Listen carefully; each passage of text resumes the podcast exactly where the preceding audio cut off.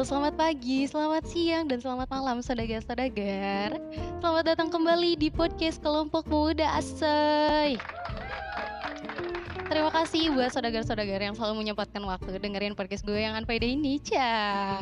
Hari ini podcast Kelompok Pemuda Asoy kedatangan spesial guest, yaitu Della Beatles Mania. Yeay. Sebenarnya sih Mi ya, kalau misalnya untuk ngomongin Beatles mania itu fans-fansnya Beatles, kalau cewek tuh dulu tuh sebenarnya ada panggilan khususnya. Kalau cowok itu Beatles mania atau Beatles mania, sebenarnya lebih sering dengarnya Beatles mania gitu tanpa S. Tapi kalau misalnya cewek itu lebih sering dipanggil Beatles manona. Aku juga nggak tahu itu kata itu dari mana. Dan kalau misalnya ada yang level Beatles manianya itu bener-bener wah garis keras, biasanya disebut Beatlemaniac. Uh, ada C-nya, ada maniaknya kayak gitu. Hari ini kita mau ngobrol apa sih Mi? Uh... oh jadi gue salah nih nyebutinnya bukan Della Beatlemania tapi Della Beatlemanona ya. Yeah. jadi hari ini podcast kali ini gue bakal ditemenin sama Dela nih mau ngobrolin seputar dunia musik kancah lokal dan internasional. Ciao. Eh tapi jangan lupa sambil menyelam, drinking water, drinking kopi agar hidup lo pada happy. Nah, kita mulai dari ngomongin apa aja sih nih ya? Kan gue juga bingung nih. Kan kalau misalnya masalah uh, musik gue masih agak-agak buta gitu ya kan tapi ada expertnya di sini insya Allah bakal membimbing kita semua dengan uh, apa ya bahasan-bahasan yang menarik tentunya ya. Mulai dari Beatles mungkin terus uh, British Invasion lagu-lagu legend yang masih diputar musik dan rasisme tentunya ya. Dan masih banyak lagi kayaknya yang bakal kita obrolin ya. Kalau ada waktu mi itu juga mi. Kalau kamu buru maghrib. Ya, benar. Ya udah kita ngobrolin The Beatles dulu deh. Gimana nih sih Del tentang The Beatles itu gua kan taunya The Beatles tuh ya lagu-lagunya doang gitu. Enggak sampai yang sampai ke dalamnya tuh. Jadi pengen dijelasin biar saudagar-saudagar kelompok pemuda saya juga pada tahu kayak gitu. Jadi fans-fansnya Ami itu disebutnya saudagar-saudagar. Oke, berarti itu mungkin doa supaya mereka nanti suatu hari nanti bisa jadi konglomerat deh. Crazy Rich ya. Semoga ya benar-benar capai doanya Ami. Karena nama itu doa ya Mi ya. Amin sebenarnya kalau misalnya mau bahas Beatles bingung ya harus dari mana dulu gitu ya. Kalau misalnya dari pertama kalinya Beatles muncul di permukaan itu sebenarnya bukan namanya bukan The Beatles mi. Itu namanya dulu tuh The Quarrymen yang paling terkenalnya. The Quarrymen. Ini micnya nyala? Oke nyala The Quarrymen. Terus yang paling formasi pertamanya itu kalau misalnya uh, ngelihat dari filmnya The Nowhere Boy gitu ya. Dulu ada film film lagi ngomongnya bukan film. Ya nggak apa-apa lah ya orang Sunda orang Cigurik uh, kalau ngomongin dari sejarah Beatles gitu ya dari lihat dari The Quarrymen itu dulu tuh inisiatornya The Beatles itu memang John Lennon. Sebelum ada Paul McCartney sebelum ada George Harrison sebelum ada Ringo Starr itu John Lennon duluan. Kayak itu John Lennon duluan jadi si John Lennon ini apa ya kalau di bahasa Sundanya budak buraung lah dulu oke? Okay? budak buraung. Ya mungkin karena ada faktor keluarga juga ya faktor kehidupan yang mungkin membuat dia tuh jadi seperti itu. Dan mungkin juga ya budayanya mereka kayak gitu mereka beda sorangan dengan kita. John ini suka bermusik tapi dia tidak bisa memainkan alat musik.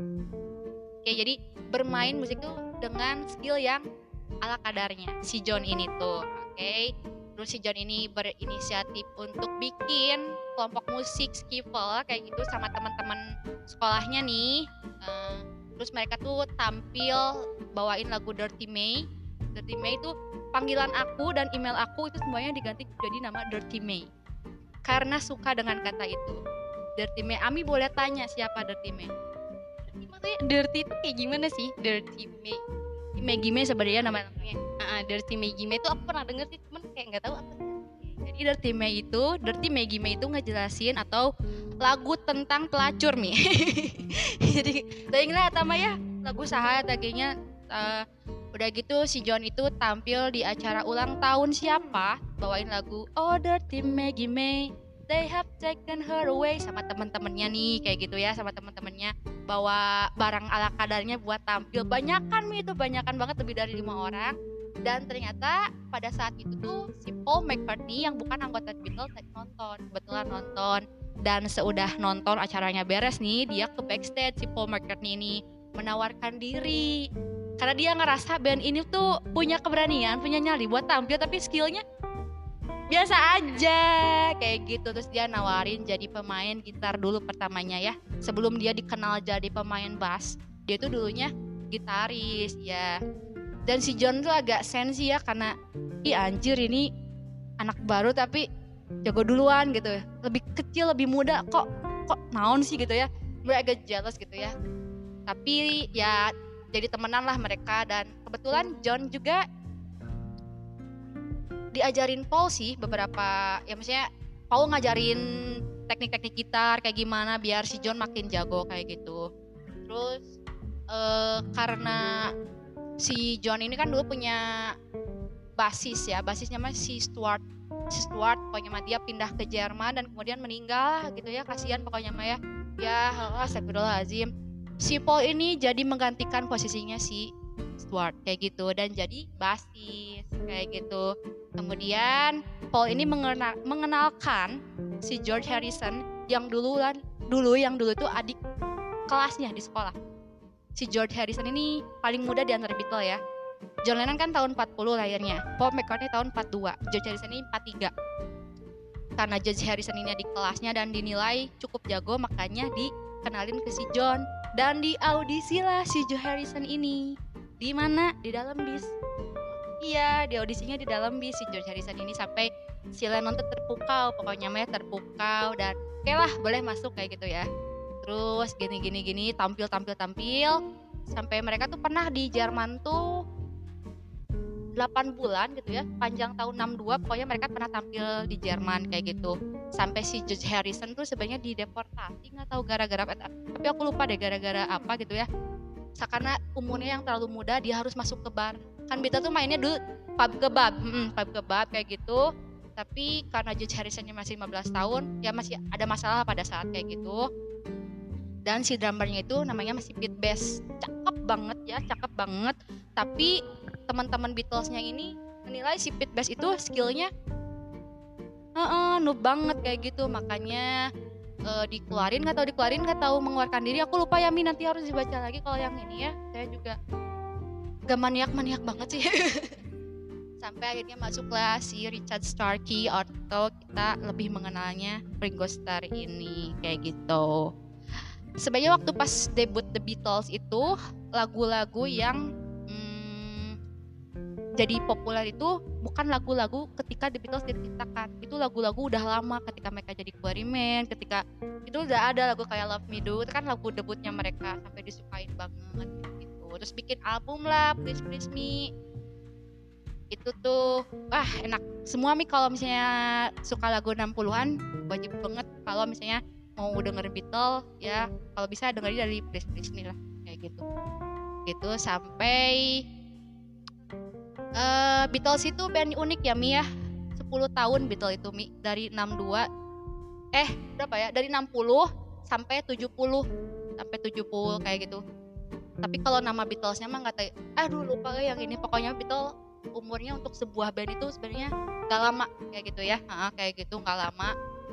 Um, Beatles itu terakhir konser di muka umum itu tahun 66 66 menurut aku ya Beatles itu band yang cukup produktif. Karena satu tahun bisa ngeluarin dua album.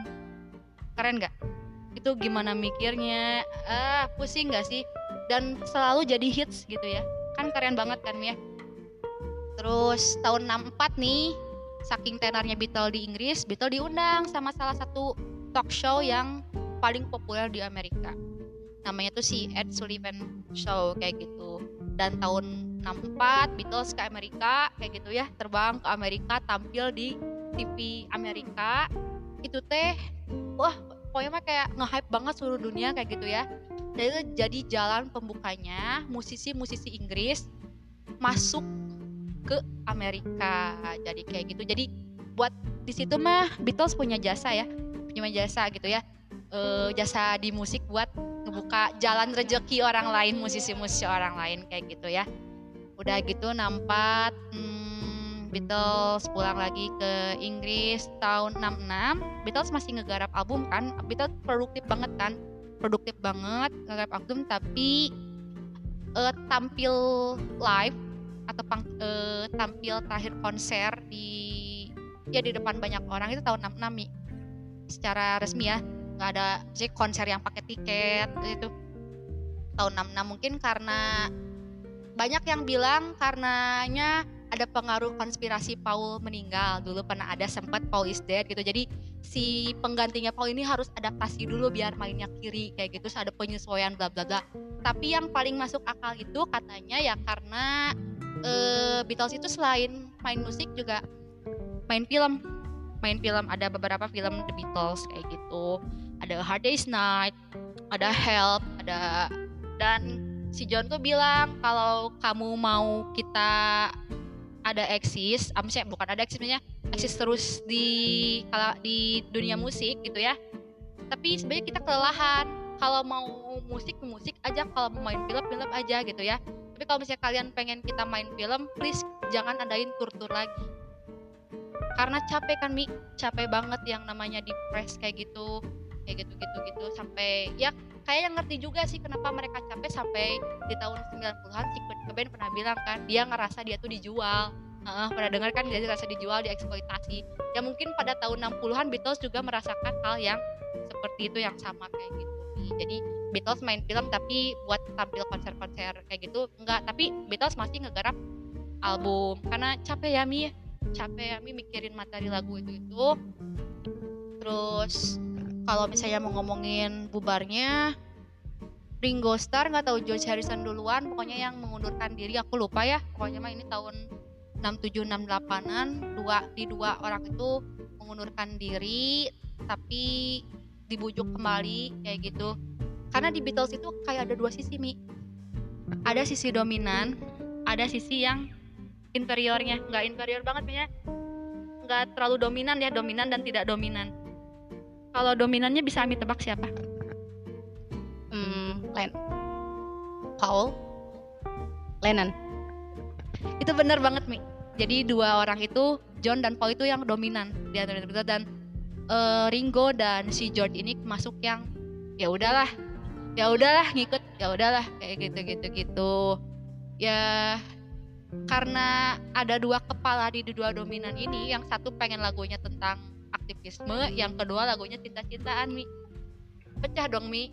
Yang du yang dua lagi lagu-lagunya yang ini lagu-lagu yang kalau Ringo tuh lagu-lagu have fun kayak gitu yang George ini pengen ke lagu-lagu yang spiritual karena dia kan masuk Hindu juga jadi pengalaman tentang religinya dia tuh pengen dituangkan ke dalam musik tapi John tuh nggak suka ya. Yang pernah aku baca ya John tuh nggak terlalu suka sama materi-materi lagunya Harrison karena masalah semakin kompleks nih Mi. Ya ya. Karena ada empat kepala yang benar-benar makin ah makin membuncah gitu ya. Makin ingin mendominasi satu sama lain dengan karena kekompleksan ini semuanya itu bubar. Sebenarnya pada pengen menyelamatkan sih cuman karena ya mungkin ada pengah ah, ada ego-ego sendiri. Terus juga waktu masih di The Beatles George Harrison ini dia bersolo karir juga bikin Wonderwall music kayak gitu. Ha, kalau nggak salah ya. Aduh ini ngomongnya kalau nggak salah terus ya intinya mah dah. Tapi emang kayak gitu dah. Kayak gitu ya. Dia bubar. Paul itu menuntut ke persidangan atau apa sih namanya tuh? Oh ya pengadilan. Kok persidangan sih? Nora pisan nih orang ngomong pengadilan biar Beatle bubar kayak gitu. Udah ya bubar Mi. Terus habis bubar tuh Beatle eh Beatle lagi si Paul sama si John Lennon ini sempat musuhan mm sempat saling kayak ah mau ngirim-ngirim suratnya panas bahasanya kayak gitu. Betul. Tapi akhirnya akur kembali lah. Dan sedih banget ya ketika 10 tahun kemudian dari Beatles bubar kan John Lennon ditembak kan sama fansnya sendiri. Tapi si yang penembaknya sekarang udah bebas. Ah udah beres mi kayak gitu terus disusul sama George Harrison yang sakit. Tahun 2001 meninggal sekarang The Beatles sisa dua orang. Semoga uh, tinggal Paul sama Ringo Starr gitu. Semoga aku punya kesempatan ngelihat dua Beatles ini secara live lah ya. Doain ya Mi ya. Kayak gitu sih Mi. Ada yang tanyakan maaf ya kalau aku nyerocos terus karena aku kalau dikasih mikrofon tuh senang dulu tuh pengen jadi MC di SMA ya tapi kayak nggak pede sama muka kan kudu good looking ya. Aku tuh nggak good looking good looking gitu. Jadi kayak ah yang saya batu dulu gitu. Ah siun garing ah. Tapi sebenarnya aku teh suka ngomong. Bener nggak masalah nggak masalah. Santai deh. Karena uh, apa ya dari pengalaman yang aku baca juga gitu ya kayak konspirasi konspirasi gitu ya menarik sih gitu kayak bahas Beatle gitu kan. Dan pernah dengar ini bener gak sih? gitu. Uh, ada yang bilang bahwa Ringo Starr, eh, Ringo Starr, Paul McCartney ini kan meninggal. Terus udah gitu si konspirasinya tuh dia tuh sekarang tuh ada dan itu tuh kayaknya ya kloningan gitu. Itu tuh gimana sih bener atau enggak gitu? Maksudnya terlepas dari uh, apa ya karya-karya mereka yang luar biasa ya dari tahun 60-an itu yang tadi bilang. Memang umurnya mereka juga nggak lama ya dibilangnya maksudnya bukan umur umurnya mereka juga ya maksudnya umur bandnya lah ya gitu katakanlah ya tidak abadi lah gitu. Karena pendek banget tapi karyanya tuh bagus gitu. Nah itu kayak gimana sih kamu menanggapinya? Dulu mi aku tahu konspirasi Paul is dead ini tahun 2013 ya baca-baca dan aku nangis mi dulu mi. Karena 2013 itu aku lagi suka-sukanya Paul McCartney dan ada orang Beatle lain ngasih tahu. Mi aku tuh curik itu aduh aku lagi nge-hype Paul sampai ketika ngeliat videonya Paul aja yang geleng-geleng kepala lagi main pas lagi live kayak gitu.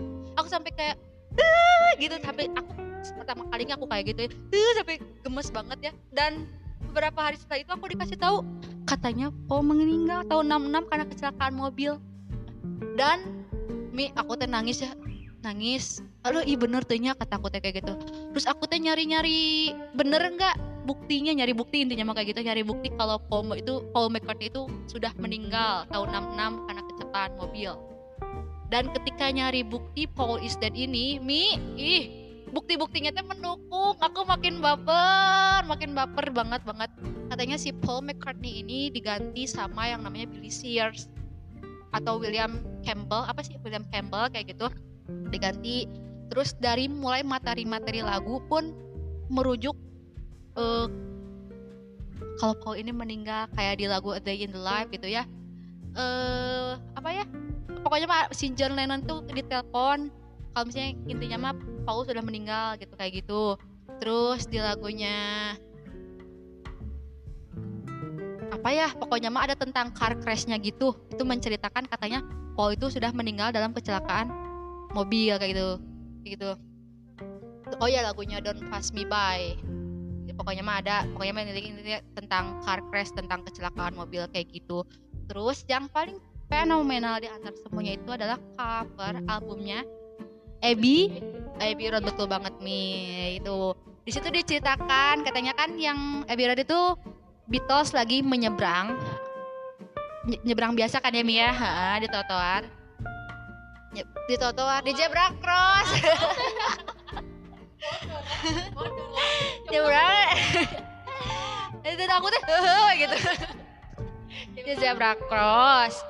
Abbey Road itu sebenarnya bukan nama sesuatu itu tuh nama studio mi. Studio Abbey Road kayak gitu ha. Dan emang jadi jalan fenomenal kan sampai sekarang. Tiap ada orang yang ke Abbey Road pasti foto dengan bergaya seperti cover albumnya Abbey Road. Di paling depan itu Mi, ya, ada si John Lennon kan, pakai baju putih, putih-putih kan. Uh -uh. Ya, Oke, okay, yang nggak pakai sendal. Si John Lennon tuh putih-putih ya Mi ya. Di belakang John Lennon itu ada Ringo Starr. Ringo Starr pakai setelan jas biasa, tuxedo biasa kayak gitu. Di belakangnya Ringo Starr ada Paul McCartney kayak gitu dan di belakangnya Paul McCartney yang paling kebocot itu George Harrison kayak gitu kayak kita terangin aja bagaimana oke okay, oke okay, oke okay, oke oke yang paling depan itu John Lennon dengan setelan putih-putihnya. Jasnya tuh putih sampai ke sepatu-sepatu itu putih mi. Itu katanya dipercayai teori konspirasi itu dipercayai teori konspirasi. Ya nggak usah diedit lah ya segini aja. Dipercayai itu teh katanya mah si John teh sebagai berperan sebagai Tuhan lah di situ teh karena serba putih-putih ya Mia uh, di belakangnya John Lennon itu ada Ringo Starr pakai ah itu dibarti sebagai petenta katanya Mi katanya. Dan di belakangnya Ringo Starr itu ada Paul McCartney yang nggak pakai alas kaki dan pegang rokoknya pun pakai tangan kanan. Karena sebenarnya dia tidak kan? Tidak kan tapi pegang rokoknya pakai tangan kanan. Uh, di belakangnya si Paul McCartney itu ada yang setelannya paling beda dari yang lain paling casual gitu ya. Pakai meja pakai jeans kayak gitu si George ini katanya dipercayai berperan sebagai penggali kubur nih kata gitu. Karena setelannya paling merakyat paling biasa aja kayak gitu. Dan orang-orang tuh banyak percaya dan aku dulu termasuk orang yang menangisi ini ya. Termasuk orang yang percaya kalau itu pernah eh, Paul itu sudah meninggal dan sekarang yang masih hidup itu Billy Sears gitu ya. Sampai di lagu uh, With a Little Help from My Friend ada intinya mah di intronya itu udah Billy Kayak gitu lah intinya mah gitu. Kayak buat memperkenalkan nih penggantinya Paul tuh si Billy kayak gitu mi. Ah dan orang pokoknya kalau dari album mah banyak ya mi. Kayak misalnya di Sgt. Peppers tuh ketika semua orang menghadap depan Paul doang yang belakangin di di di, di album lah pokoknya mah. Nggak nggak di cover album cuman di foto-foto buat Sgt. Pepper tuh ada gitu yang kayak gitu. Terus di Let It Be ketika semua orang ngelihat ke sana miring dia ke depan sendiri. Terus di uh, cover album apa ya? Yang pokoknya yang ada bayi-bayi gitu yang pokoknya si Paul sendirian di dalam peti. Kayak gitu. Aku lupa ya aku ini Bitomania karbitan sebenarnya. Bitomania karbitan. Ya kayak gitulah. Dan ya intinya mah pernah sempat percaya. Pernah sempat percaya pernah sempat menangisi ini pernah sampai sempat kepikiran ini berhari-hari? Ini bener nggak sih? Pada aku lagi hype banget si Paul ketika itu pas lagi SMA itu. Dan ke sini ke sini denger denger bukan dengernya ngobrol sama Beatles mania yang lain jadi terbukakan kalau misalnya itu cuma hoax belaka. Dan aku nanya nih kok Beatles bikin serapi ini gitu? Kayak konspirasi kayak bener-bener ada terus mereka tuh bilang ya kalau misalnya Beatles gak bikin kayak gini kayaknya Beatles gak akan diomongin lagi deh ya kan Oke, ngerti-ngerti. Jadi sebenarnya si konspirasi yang mereka bikin tuh apa ya? Tujuannya mungkin uh, cuman pengen kenal lagi lah sama Beatles teh. Jangan sampai Beatles teh tenggelam karena memang dia teh istilahnya jadi apa ya? Dia punya jasa karena British Invasion itu gitu kan. Nah, kenapa ada apa ya konspirasi Paul McCartney meninggal lah gitu sampai yang album yang Abbey Road itu dia kayak gitu. Tapi memang aku juga percaya sih gitu uh, apa ya adanya cloningan kayak gitu. Karena ada banyak perbedaan gitu maksudnya dari dari yang dia waktu pas dia solo di acara apa tuh lupa lagi ya aku pernah nonton di YouTube. Jadi dia tuh solo gitu yang Paul McCartney ini beneran Paul McCartney atau bukan gitu ya? Apakah memang beneran dia cloningannya atau gitu? Nah, tapi aku nggak tahu bahwa itu teh siapa namanya tadi? Oh Billy Shear itu oke. Okay. nah berarti banyak ya ternyata konspirasi yang dibikin hanya untuk ya maksudnya untuk ngeapin lagi si Beatle-nya atau kayak gimana gitu. Tapi bener atau beneran ada atau nggak ada nih si si Paul McCartney ini nih. Mi kalau ditanya ini beneran Paul apa enggak kadang aku juga sekarang ngejawabnya bingung Mi. Karena kemarin-kemarin pas bulan puasa di akun fanbase Beatles gitu ya ada Beatles di Instagram itu tuh ada ketika uh, Olivia Harrison istrinya George Harrison. Kan udah meninggal. Olivia-nya masih ada kayak gitu. Dia tuh salaman sama si Paul tapi manggilnya hey Bill gitu. Bill Billy. Directly ngomong Billy.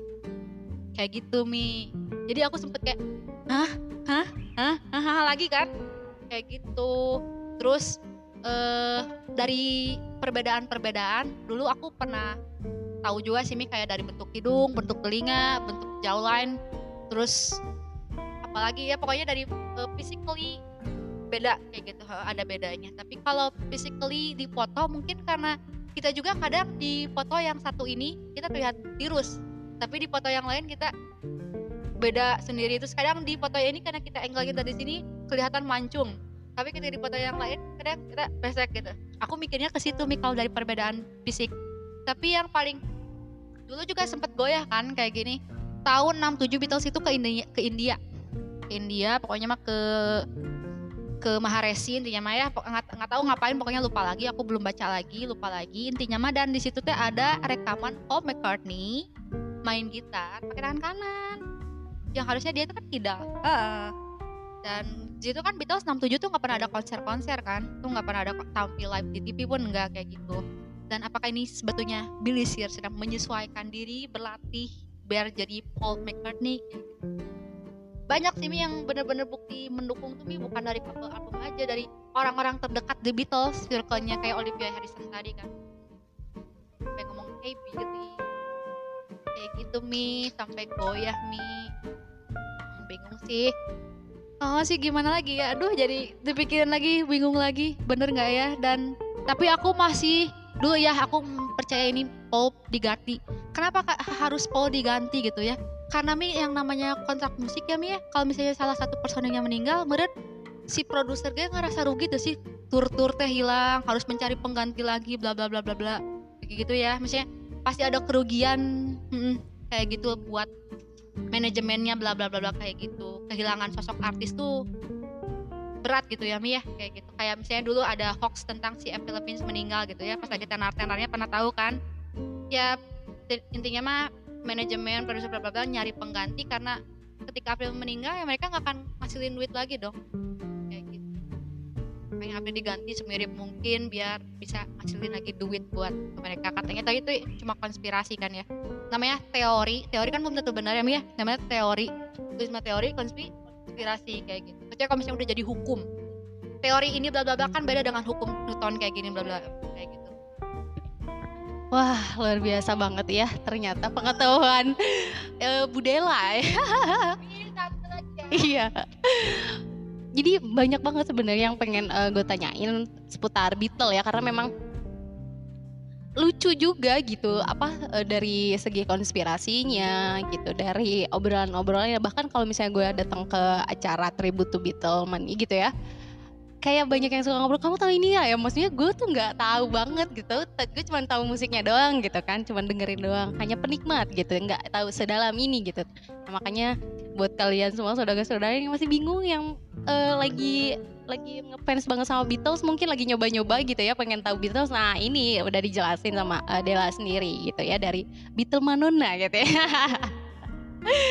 British Invasion Nah, kalau dari British Invasion tuh selain dari Beatles sendiri juga kan pasti banyak eh, apa ya? musisi-musisi lain lah ya yang ikut gitu. Maksudnya yang terjun langsung yang sampai sekarang juga masih terkenal gitu ya. Misalnya kayak eh, Rolling eh, The Rolling Stones gitu kan, terus Led Zeppelin lah, Queen gitu ya. Walaupun memang Queen juga ya sama lah gitu kasusnya sama dengan eh, Beatles gitu ya. Tapi kalau Queen sendiri karena memang kasusnya tuh intern gitu nggak sih kayak apa ya? Kayak eh, ininya doang gitu siapa? Eh, vokalisnya tuh ya kayak Freddy-nya doang dia cuma punya masalah trust issue doang gitu. Kayak dia nggak nggak punya lagi kepercayaan sama eh, fansnya gitu karena dia ya dibilang homofobik lah gitu ya dibilangnya kayak gitu. Gay ah ah. awalnya dia juga kayak gitu. Iya dia tuh awalnya punya trust issue kayak dia tuh homofobik nih. Dia dia dia dia menyangkal itu tapi ternyata dia tuh kayak terbukti seperti itu. Dia ternyata bukan homofobik jadi dia tuh gay gitu. Dan dia tuh menyangkal bahwa dia tuh homofobik dan juga bisex pertamanya. Terus akhirnya ketahuan lah serah dia apa ya punya hubungan gitu sama si produsernya. Eh apa manajernya lupa lagi sih gue itu yang eh, yang yang yang minum-minum sama yang narkoba itu ya dari film ya. Nah kayak gitu. Misal, mungkin dari Dawa sendiri punya banyak cerita-cerita tentang British Invasion kayak gimana sih? Boleh diceritain lagi kalau saya ngomongin tentang British Invasion sebenarnya ya itu intinya mah pembuka jalannya tuh Beatles ya. Sampai jadi musisi-musisi British itu jadi terkenal, jadi dikenal, jadi hype lagi sampai kayak eh ngerajain billboardnya Amerika tuh ya musisi-musisi British semua kayak gitu. Kayak angkatannya 60-an kayak gitu. Dan gimana lagi ya Mi ya? Eh, British Invasion sebenarnya ada dua gelombang ada dua wave pertama 60 70-an itu angkatannya Beatles, Rolling Stone, Led Zepp, eh, Queen, Pink Floyd. Angkatan 90-annya pun ada Mi. Kan Beatles British Invasion itu pernah pernah pernah vakum lah. Kayak Korean Wave di Indonesia pernah sempat vakum. Hmm, pernah pernah ngetren banget vakum ngetren lagi. Begitu juga British Invasion. Kayak gitu. 80-an karena dominasi musik itu disco ya. Domi dominasinya disco kayak BBA kayak gitu gitu sementara British kan punya ciri khas musiknya sendiri kayak gitu ya. Makanya sempat vakum dulu dan 90-an ada lagi British Invasion nih itu angkatannya Oasis, Blur kayak gitu. Kebuka lagi jalan biar musisi Inggris dikenal lagi kayak gitu. Sih kalau misalnya untuk bahas British Invasion mungkin karena taunya kita pembukanya aja siapa gitu. Pembukanya The Beatles yang 90-an ya 90-an itu paling Oasis sama Blur kayak gitu dan kawan-kawannya kayak keren banget gak sih kata kamu Mi? negara lain bisa jadi ngejajah secara musik di negara yang ah, ah, ah kayak gitu. Keren. Ah, ah, ah, ah. bener nggak sih? Iya iyalah pasti. Dan John Lennon itu kan dikasih gelar kehormatan sama royal family sama kerajaan Inggris dia itu ya karena menghibur orang dan dia tuh ngerasa bangga aku dikasih gelar kehormatan karena aku menghibur orang sementara orang lain.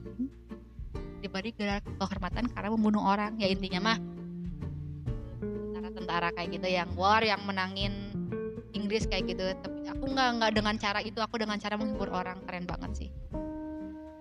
Apalagi nih Mi? Kok jadi gini sih? Jadi diam nggak apa-apa.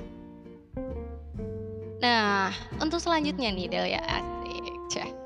Jadi tadi kan kita udah bahas-bahas tentang The Beatles, terus British Invasion juga. Nah, sekarang merambah ke lagu-lagu legend yang sebenarnya masih diputar dari tahun mungkin 60-an ya.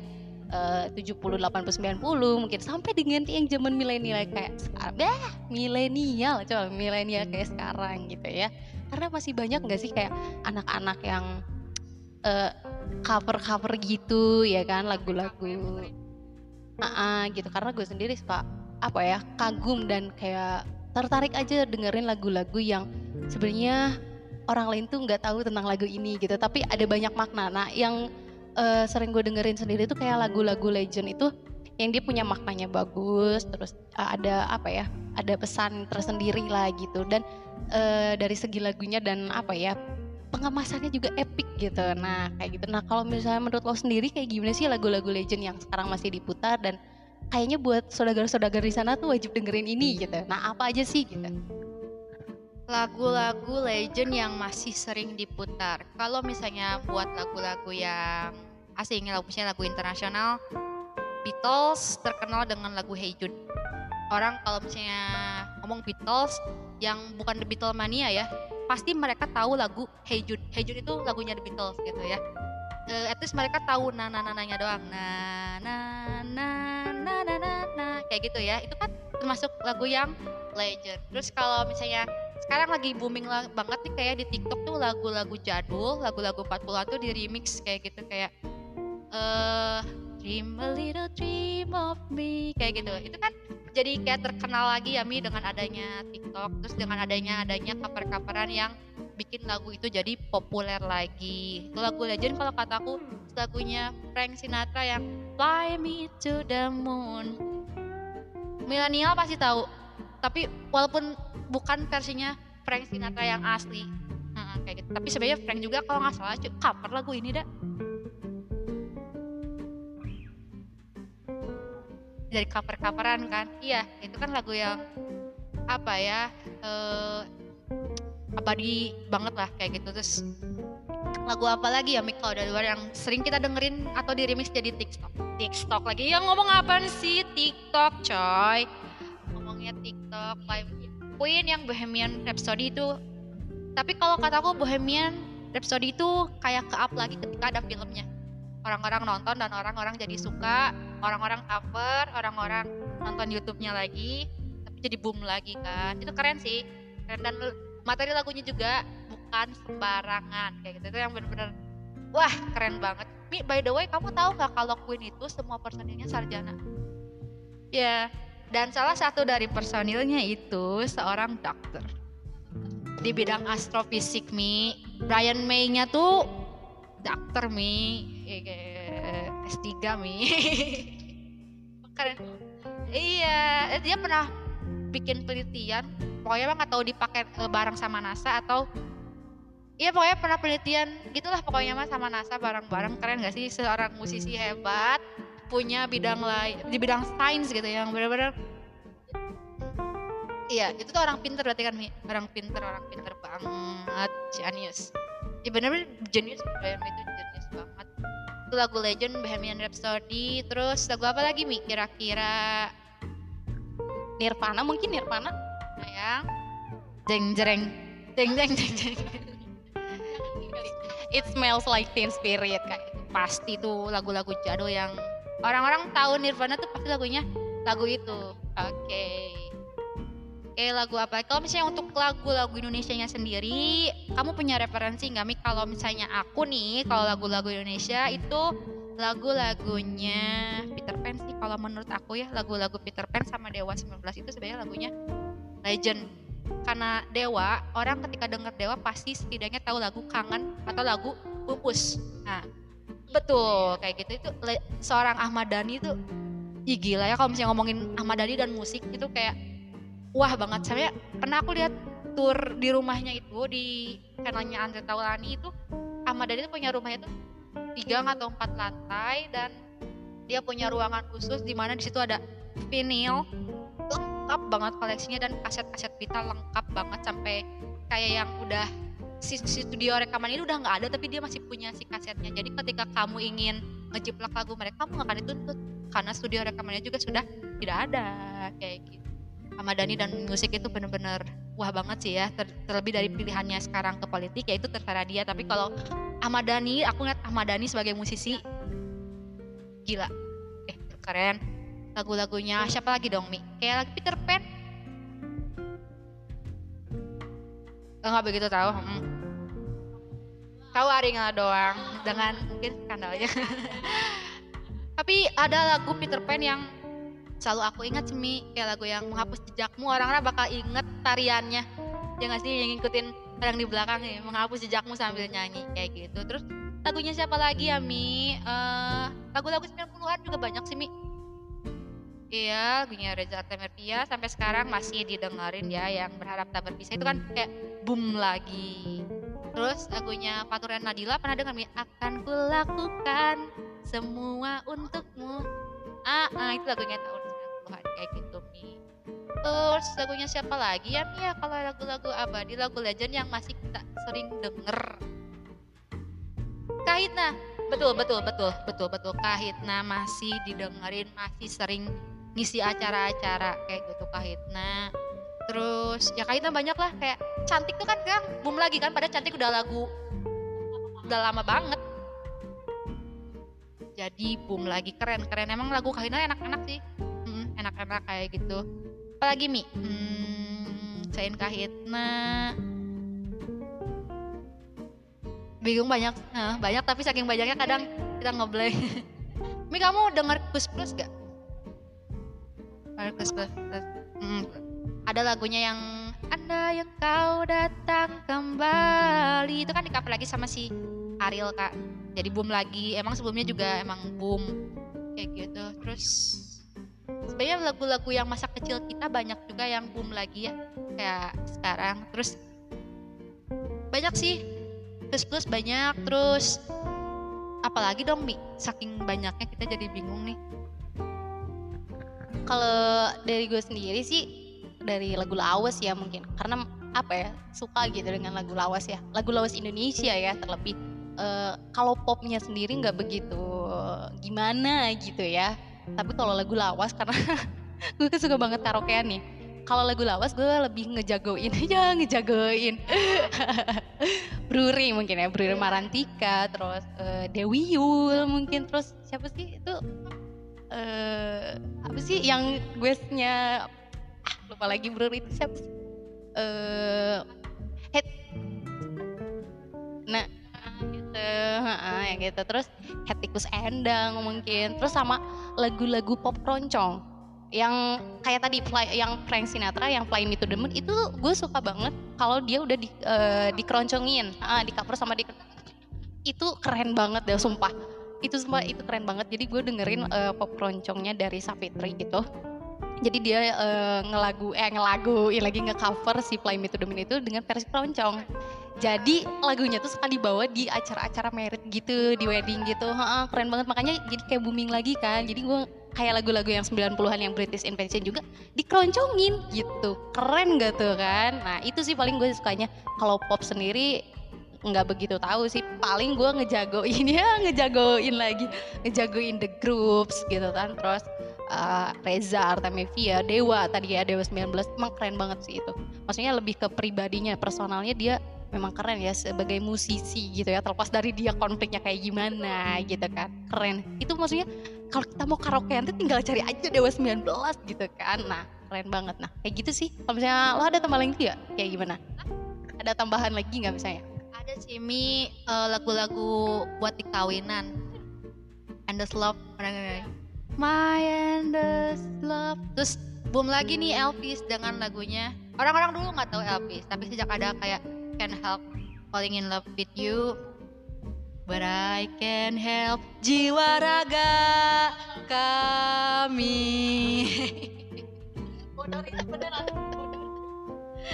Tapi yang itu juga yang But sometimes I was never been it all. Itu nyambung ke ada pelangi. Kayak gitu nyambung sih hmm. Ya pokoknya banyak sih lagu-lagu legend dan lagu-lagu legend itu lagu pilihan ya nggak ngerti kenapa sampai sekarang kok masih bisa didengar. Sebenarnya kalau ngomongin lagu legend kita ambil contohnya yang uh, lagu ini paling sering didengar di semua kalangan tuh kayaknya lagu Beethoven deh. Yang For Alice.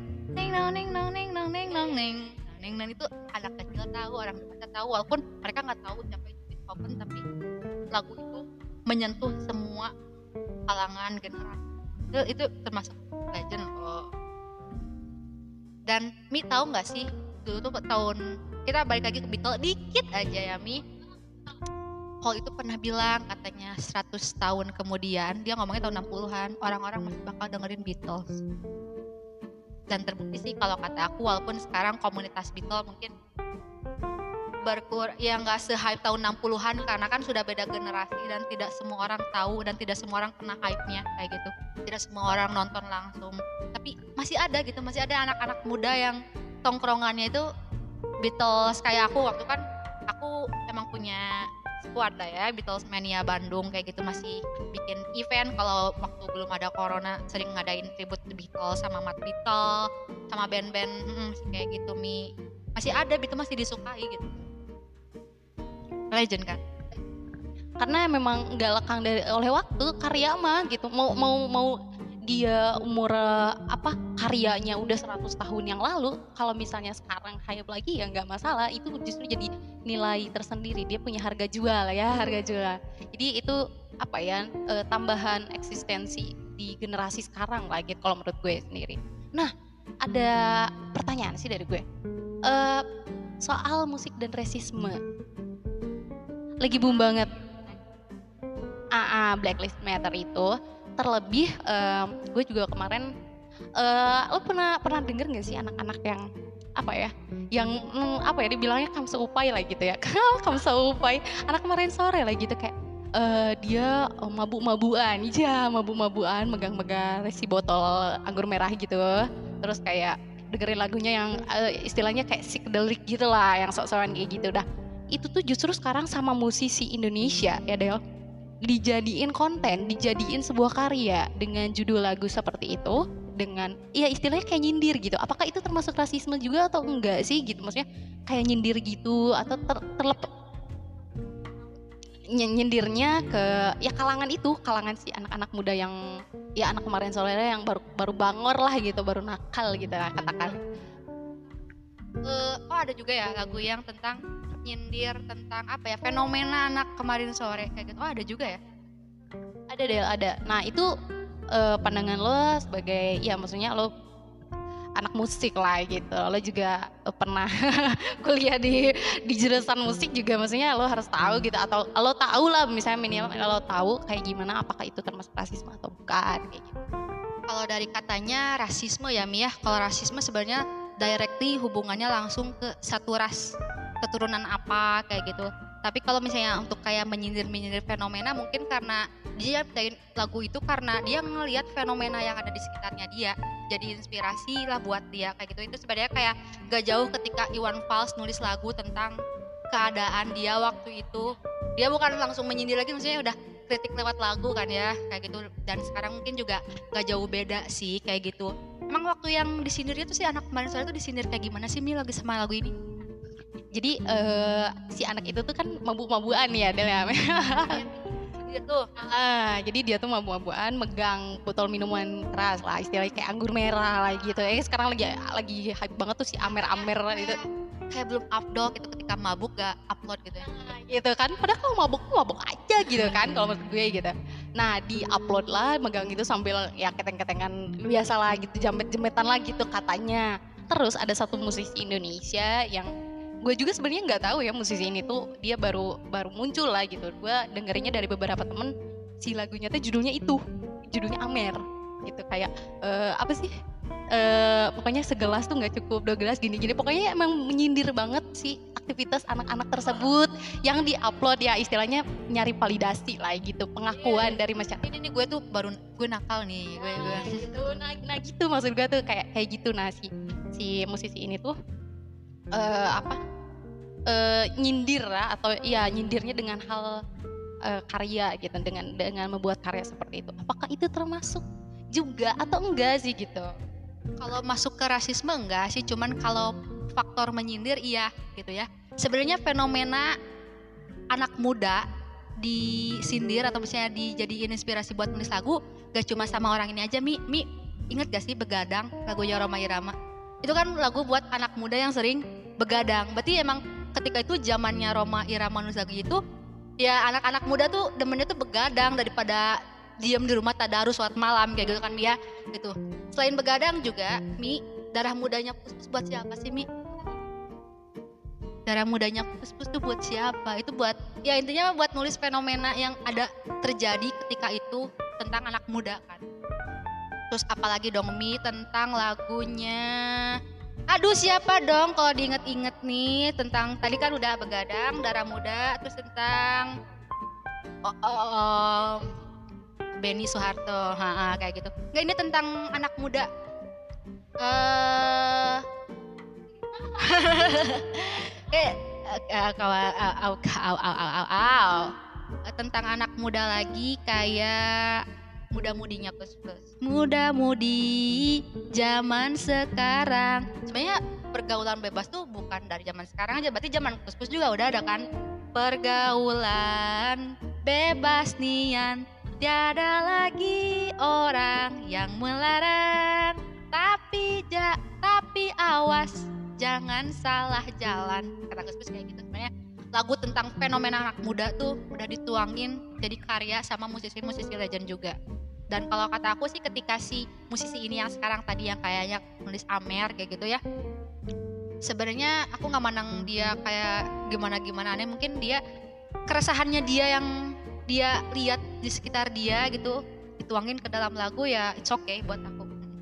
Walaupun kadang lagunya ya lagu naon sih ini? Ya tapi kan namanya juga karya ya nggak semuanya bisa nerima dan gak, sem- gak dan dia juga nggak punya tanggung jawab buat bikin semua orang bahagia dengan lagunya. Ada juga yang nggak suka ada yang suka ada yang Ih keren banget nih bisa nulis fenomena ini. Ada juga yang masih ini lagu apa? Nggak jelas. Ada juga sih. Pasti jelas ketika kita berkarya ada aja orang yang suka ada aja orang yang ah betul. Wah, bagus bagus bagus. Nah, waduh waktu cepat sekali berlalu ya Del ya. Tapi satu lagi nih nih ya pertanyaan dari gua. Pertanyaan dari gua satu lagi nih.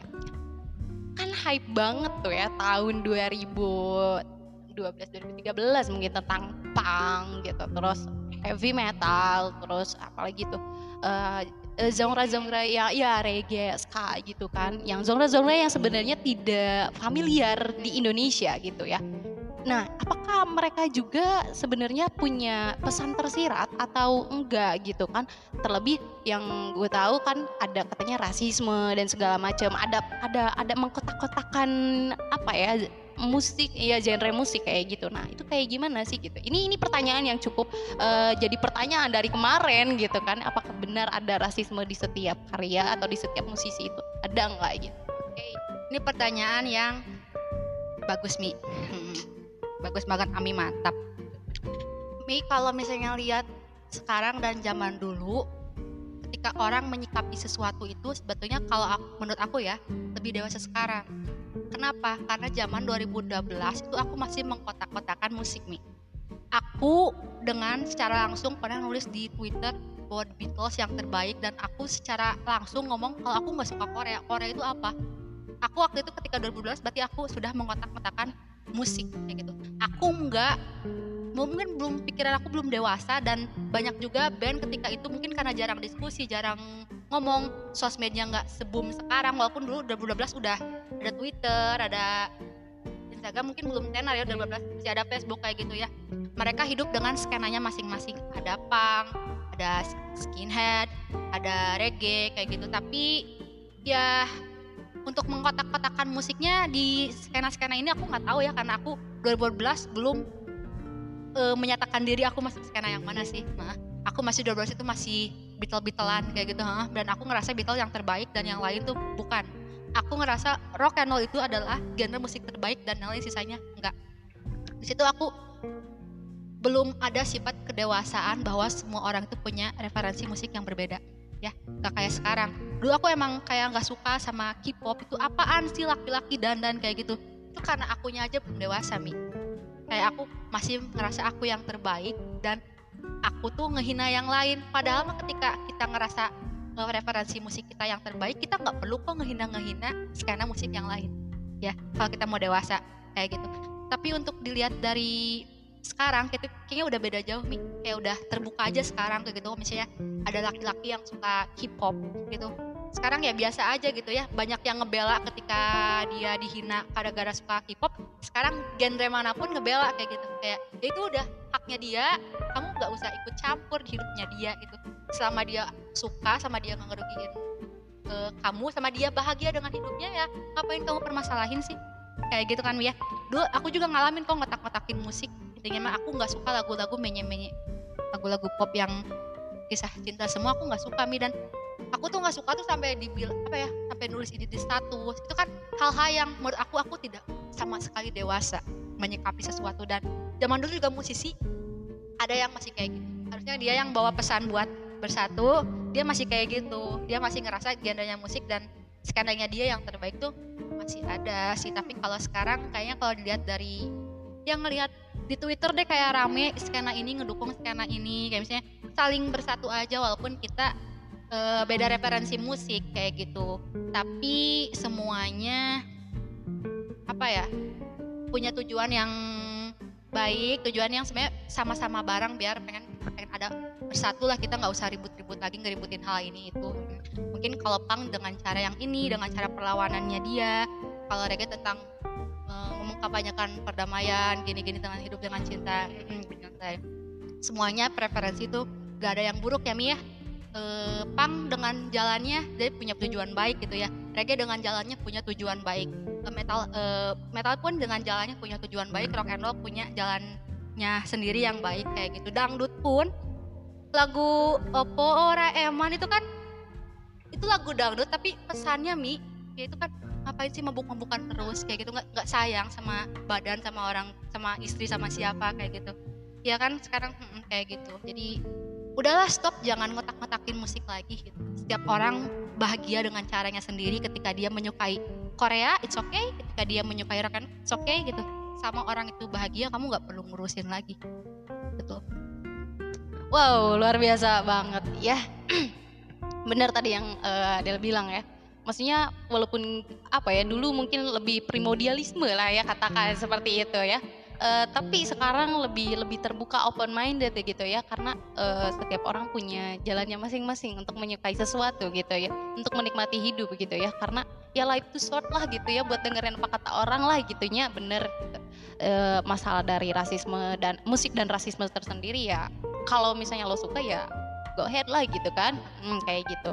Jadi semua genre musik, semua karya musik itu enak didengar, tapi tergantung dari masa dan e, kebutuhannya dan juga pasarnya tuh buat siapa gitu ya. Bener kan? Cia, mantep mantep mantep. Waduh, panjang banget ini kita ya cerita-cerita dan ngobrol-ngobrol bahas-bahas musik ya. menarik sekali. Uh, ada yang disampaikan lagi mungkin dari Mbak Dela yang cantik ini? Um, di skena mana pun, Mi sebenarnya masih ada yang rasis, Mi.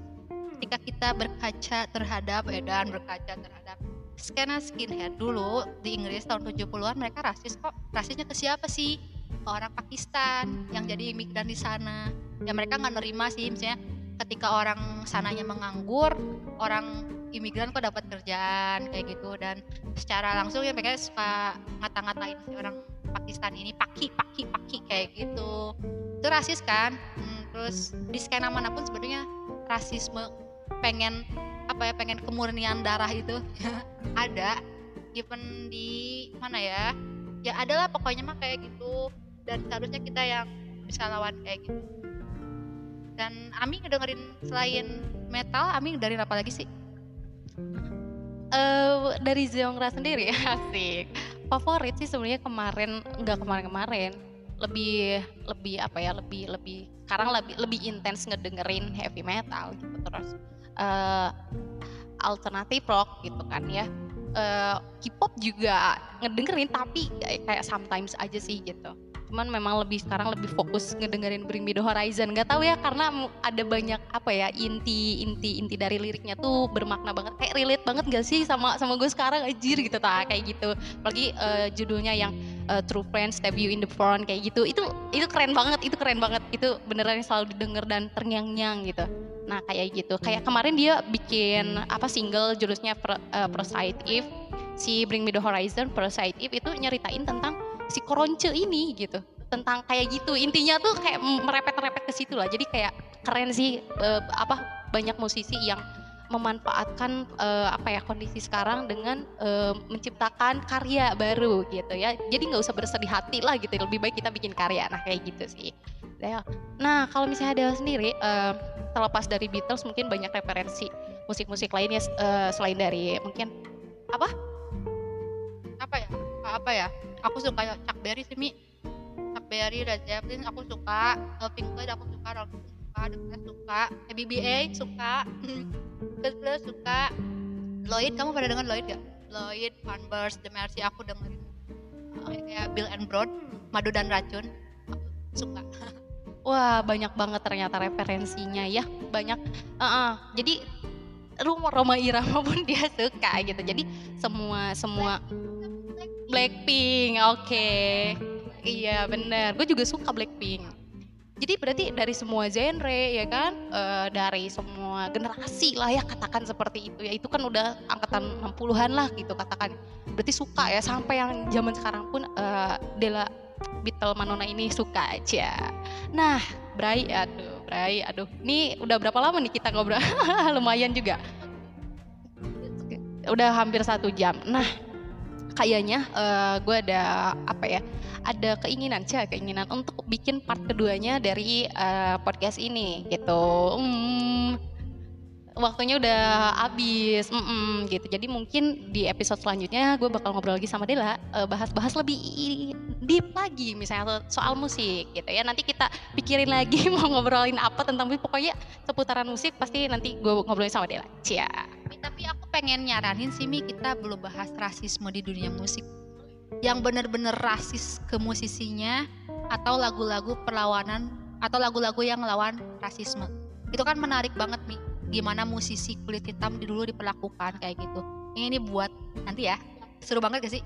Setuju setuju setuju banget sih untuk episode selanjutnya. Mungkin kita bakal bahas tentang musik-musik perlawanan dan rasisme terhadap itu gitu ya. Oh, ya rasisme dan musik keren sih itu. Nah Bray segitu aja paling. Podcast kali ini um, tentunya inti dari podcast ini adalah tentang tadi ya eh, bahwa banyak sekali musisi-musisi yang berjasa ya kayak infansi-infansi dan apa ya uh, peperangannya dengan cara karya seni lah gitu ya dari mulai Beatles mungkin Led Zeppelin ya Rolling Stone dan lain-lain lah kayak gitu. Dan juga lagu-lagu legend yang sampai sekarang masih diputar juga. Nah tadi kan udah dijelasin sama Dela banyak banget gitu ya. Mungkin kalian punya referensi lain boleh di drop nanti langsung di uh, komennya di podcast gue ini mau di Anchor mau di apa Spotify di sosial media gue juga boleh banget ya dan misalnya mau nanya-nanya mau kontak langsung dengan Dela mau masuk dan join di Betelmania juga boleh ya nah follow aja di Instagramnya siapa Dela? Di Instagramnya Beatlemania Bandung underscore. banyak IG-nya. Nah, nanti bisa ikut join di sana ya. Jadi nggak cuma Beatle aja nanti di sana ngobrolnya banyak juga, cuman lebih spesifik ke Beatle mungkin ya. Betul kayak gitu. Nah, Bray, thank you banget buat kalian semua yang udah dengerin podcast gue ini. Ya. Thank you so much juga buat Dela. Thank you Dela. Yeay, yeay, mantap pokoknya seru banget ya. Jangan kapok-kapok dengerin podcast gue ya. Dan pesan aku sih jangan mengotak-ngotakan musik ya, jangan ngerasa uh, genre kamu tuh paling good dan kamu kayak ngerendahin genre lain. Enggak, musik dibuat bukan buat seperti itu. Setiap orang tuh punya referensinya masing-masing tentang musik dan kamu nggak perlu ikut campur dengan kebahagiaannya dia. Mantep banget nih, mantep banget ya pesan dari uh, Dela Beatle Manona Cia. Coming soon gue mau ikutan nih kayaknya. Aduh, iya bener. Nah, thank you ya semuanya. Uh, paling segitu aja nanti di skip di episode selanjutnya ya. Thank you, gue Ami Muya dan Dela. Dah. See you on the next podcast. Goodbye, annyeong.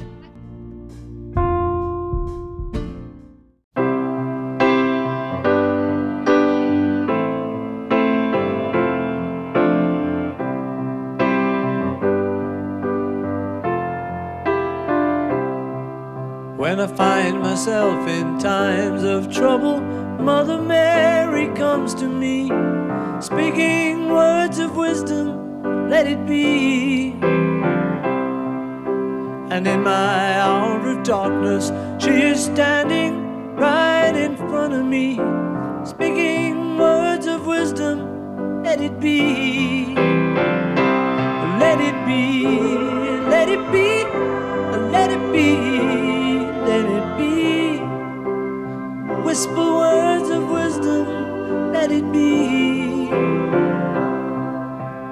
When the broken hearted people living in the world agree, there will be an answer, let it be. For though they may be parted, there is still a chance that they will see There will be an answer, let it be.